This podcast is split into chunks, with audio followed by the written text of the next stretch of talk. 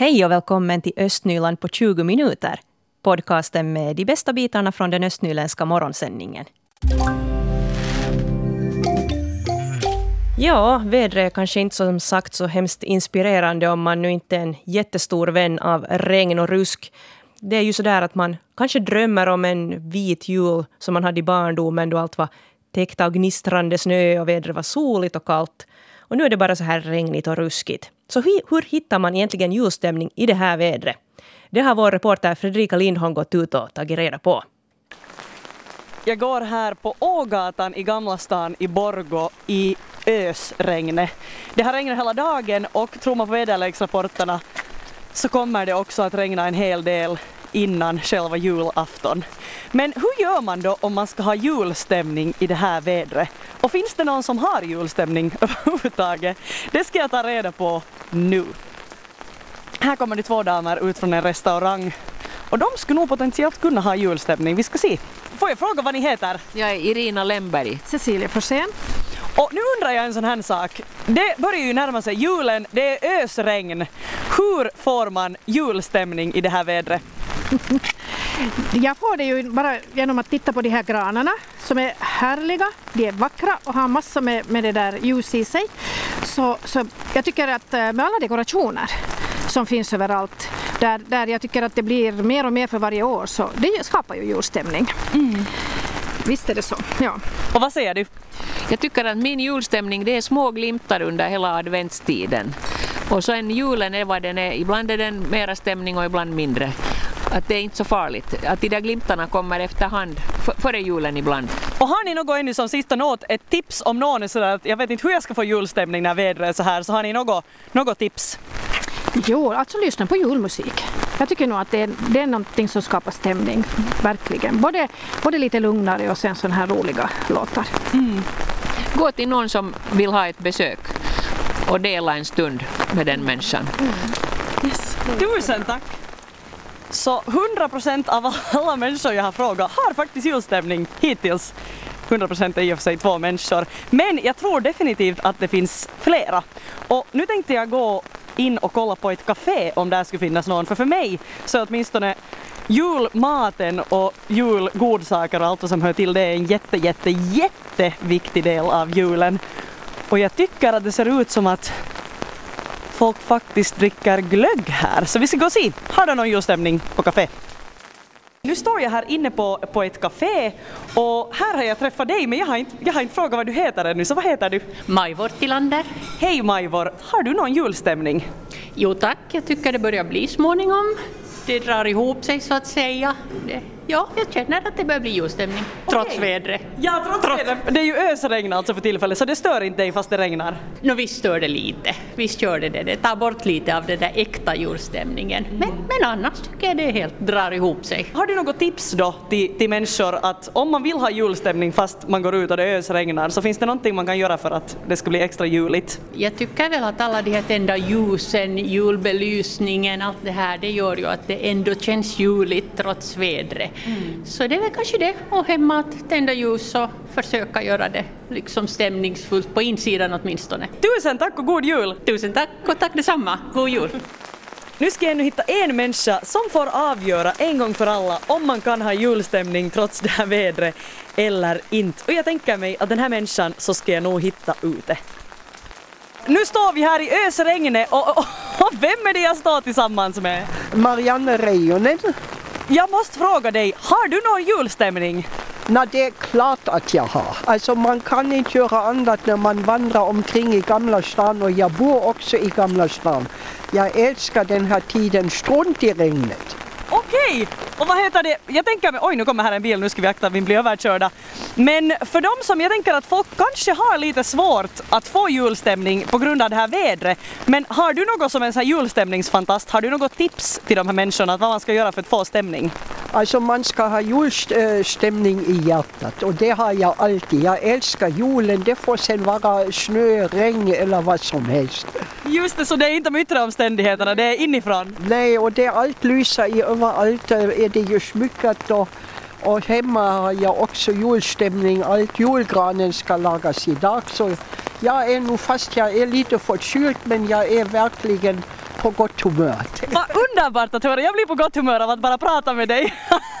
Riktigt god jul önskar jag alla. Oj men tusen tack, detsamma, detsamma. Så baserat på min lilla gallupundersökning så verkar det nog som om folk har julstämning trots att det är regnigt väder.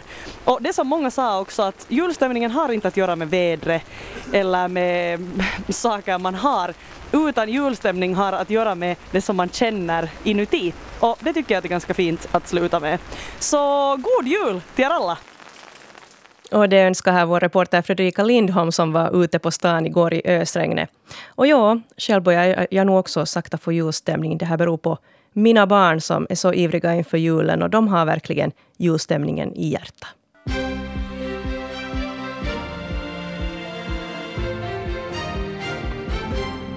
Klockan är halv åtta och det här är de regionala nyheterna med Stefan Härus. God morgon. Borgostad ska kolla upp invånarnas inkomster då staden fastställer klientavgifter. Från början av nästa år får staden löneuppgifterna direkt från inkomstregistret.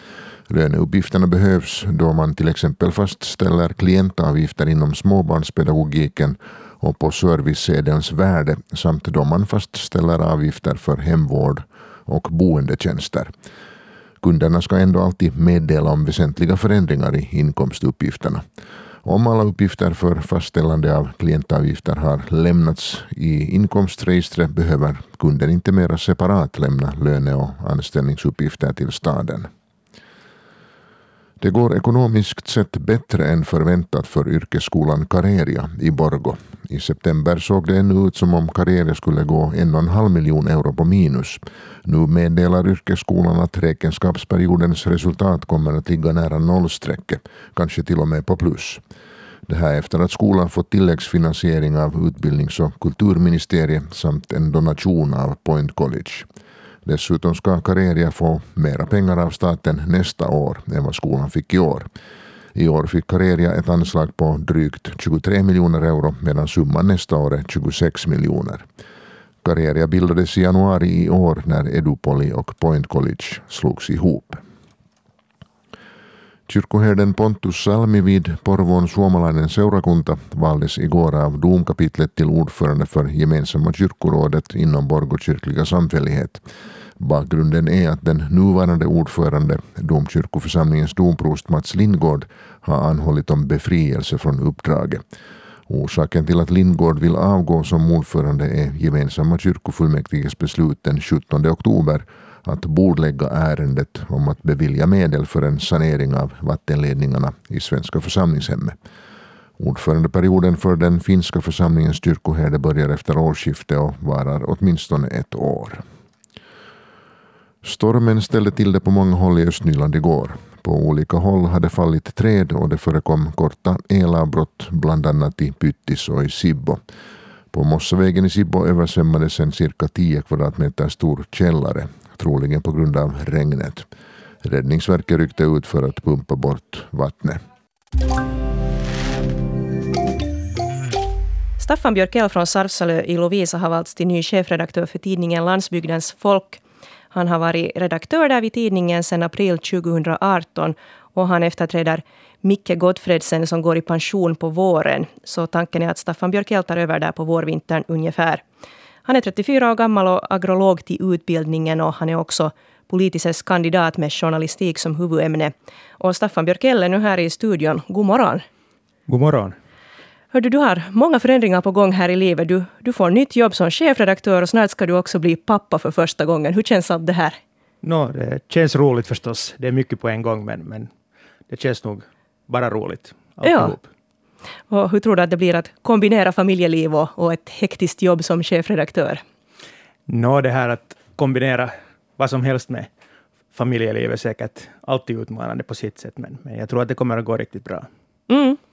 Och hur mycket är du på Sarpsalo här i, i dagens läge? Jag har förstått att du bor i, i Helsingfors också. Så är det ju. Jag är hemma från Sarpsalo och, och driver också ett familjejordbruk där, växtodlingsgård. Så det där, man försöker vara där så mycket man, man hinner och har möjlighet till under, speciellt under odlingssäsongen.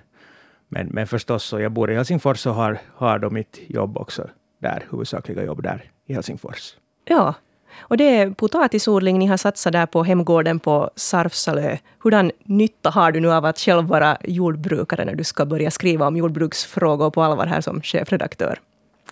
No, jag tror att, att min bakgrund har förstås eh, en del i det att jag har en, en sakkunskap om jordbruksfrågor så där i största allmänhet, men, men sen också det att jag är jordbrukare, så, så det ger en, en direkt insyn i bondens vardag och utmaningar. Mm. Och det har ju varit ganska många frågor här inom jordbrukspolitiken på sistone, både vad gäller EU-stöd och, och producentpriser är ju alltid någonting som väcker engagemang och klimatdebatten har ju varit här nu mycket på tapeten med det här med ska man äta kött och ska man producera kött och så här. Hur ser du på hela det här fältet av frågor ni ska bevaka här den närmaste tiden? Det är egentligen, jag har jobbat första gången på Landsbygdens folk 2010 och, och har igen, och läst tidningen, kan säga mer eller mindre sedan jag var barn. Och, och det, där, eh, det här spektret av frågor som vi på något sätt känner att vi borde bevaka, det har bara vuxit under åren. Det, det har blivit fler frågor och det har liksom breddats. Och, och, man tänker också på jordbruk och odlande och, och just nu som du nämnde klimat och miljödebatten och idag så är det kanske den här kolbindningen som, som, som är mest på, på agendan just nu. Så, så allt det här så, så det, det, det har det, det, är jordbruksrelaterat, men det har också aspekter som sträcker sig egentligen till nästan alla människors liv. Ja, det är inte bara jordbrukares liv, utan också alla, alla människor som äter, äter mat. Och det, det gör väl de flesta människor fortfarande varje dag. Så, så, det där. så därför så, så har det nog... Det, det är mycket att bevaka och hålla koll på. Mm. Så man kan säga att landsbygdens folk är inte viktig bara för jordbrukarna, den kan också vara viktig för andra människor som, som är intresserade av sådana här frågor. Absolut, jag tror att många människor som, som är intresserade av just den här typens frågor skulle säkert få utbyte av att läsa tidningen. No, många tidningar kämpar ju nu med dålig ekonomi och, och hela den här frågan kring ska man ha papperstidning eller ska man satsa på en digitalisering. Hurdana utmaningar har landsbygdens folk just nu? No, vi har ju förstås, precis som alla annan printmedia, så har vi just de här utmaningarna som du nu äh, nämner. Och, och det är klart att distributionen är en sån här konkret sak som, som egentligen har kostnaderna för distributionen har bara ökat under de senaste åren. Och, och det där, eh, vi har också ett sånt spridningsområde. Vi kommer ju ut i, i, i, i, de, i fyra landskap, regioner i, i svensk Finland. Alltså vi har Österbotten, där vi har över hälften av våra läsare. Sen har vi då Nyland, Åboland och Åland. Och, och, som spridningsområde så är det här ju förstås väldigt utmanande. Det är brett och, och vi har dessutom Åland som ligger, ligger där uh, en bit bort. Så, så, det där, så det är förstås det är klart att, att, att vi är, vi är distributionens kostnader är en sån här post. Men sen har vi också andra utmaningar, just den här balansen mellan, mellan tidning, papperstidning och digitalt. Så det, det är ju förstås någonting som många funderar på, men vi, vi, har, den, vi har nyligen gjort en läsarundersökning och vi har, den, vi har fått det starka budskapet av våra läsare att, att de vill fortfarande ha en papperstidning. Mm. Så, så vi, håller, vi håller oss vid det, men vi försöker ju förstås också sedan ett drygt år tillbaka så har vi en förnyad webbplats och, och vi försöker förstås hitta en, en vettig balansgång mellan, mellan de här två. Mm. Och ni har säkert en ganska trogen krets av läsare. Absolut, det, det kan man verkligen säga. Ja. Vid Borgå skyddshem så brukar det vara bråda tider inför och under julhelgen. Skyddshemmet hjälper ju alla som har upplevt våld i nära relationer eller hot om sådant våld. Och det finns personal på skyddshemmet dygnet runt. Och det kostar ju heller ingenting att söka hjälp där och man får komma från vilken kommun som helst. Och i studion har jag nu Marika Johansson som är tillfällig förman vid skyddshemmet. God morgon. No, god morgon. Du berättade här innan vi började att ni hade julfest på skyddshemmet igår. Hur gick det? Det gick jättefint. Ja, som sagt så hade vi julfest då med äkta julgubbe på plats. Och, och, och vi hade då julgröt och lite glögg och, och pepparkakor och, och fira också med lite julklappar för barnen. Och, och så hade vi också en alpacka som gläd, glädje våra klienter och framförallt barnen som besökt. No, det låter ju härligt. Jo. Och när man kommer till skyddshemmet så mår man ju kanske inte alltid så bra men, Men ni har lyckats hålla någon slags julstämning ändå här årligen? Ja, det, det liksom, vi får årligen donationer och just med de här donationspengarna så försöker vi erbjuda det där lilla extra för våra klienter. Bland annat just vid helger så, så firar vi dem och, och det där försöker ordna till så att, att vi alla har det roligt tillsammans. Mm. Nu har ni redan nu livligt eller märker man liksom redan den här tiden att nu, nu kommer helgen eller, eller hur ser det ut för tillfället? No, för tillfället så har vi inte huset fullt men att, att vi har nog, vad heter det, flera klientfamiljer där och kanske till en del också det här att, att uh, julen är en svår tid för många familjer.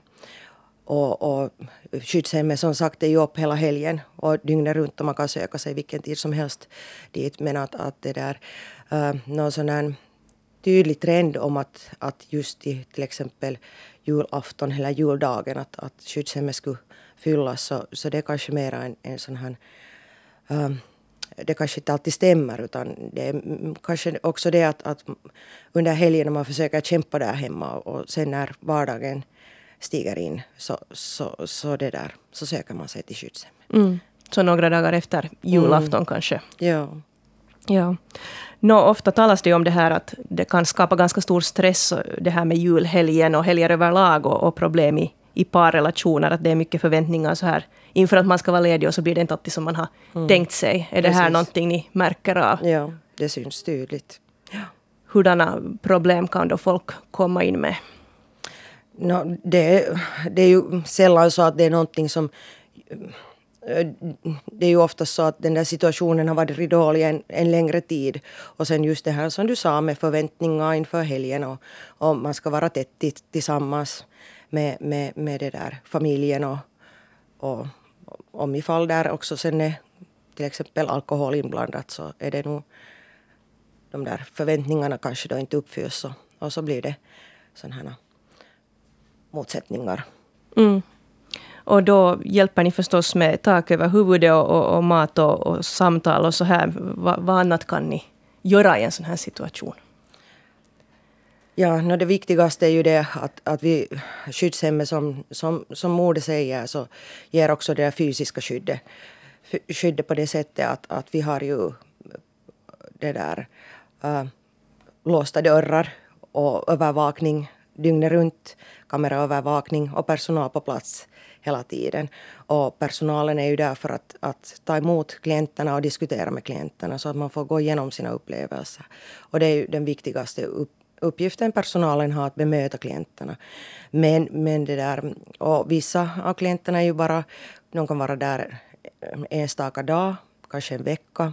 Men andra så, så bor sen en längre tid, till och med månader. Och, och då blir det ju liksom det här att för många så är det liksom en vändpunkt där man söker sig till skyddshemmet och, och kanske då tänker att man inte mera vill återgå, återgå till det hemmet vartifrån man kom utan man söker sig då till ett nytt hem och, och då hjälper vi till med det här att ordna en ny bostad och, och, och det där, få saker och ting i skick så att det är sen tryggt att, att fortsätta sitt liv utan våld. Mm. No så här överlag, om vi inte tänker bara på julhelgen, så hur har den här hösten varit med antalet klienter jämfört med kanske de här två senaste höstarna? Ja, det är ganska lika skulle jag säga. Att, att det finns kanske ingen sån tydlig trend att, att just en viss månad är den månad som, som skyddshemmet fylls. Utan det, det varierar från år till år men att jämt, en jämn ström av klienter har vi haft genom hela året och som tidigare år också. Att det ser ungefär lika ut som föregående år. Mm. Och du sa att, att det kanske då inte är just på julafton som man söker hjälp utan lite senare. Men kommer där någon sån här tydlig topp alltid då vid, efter julhelgen hos er?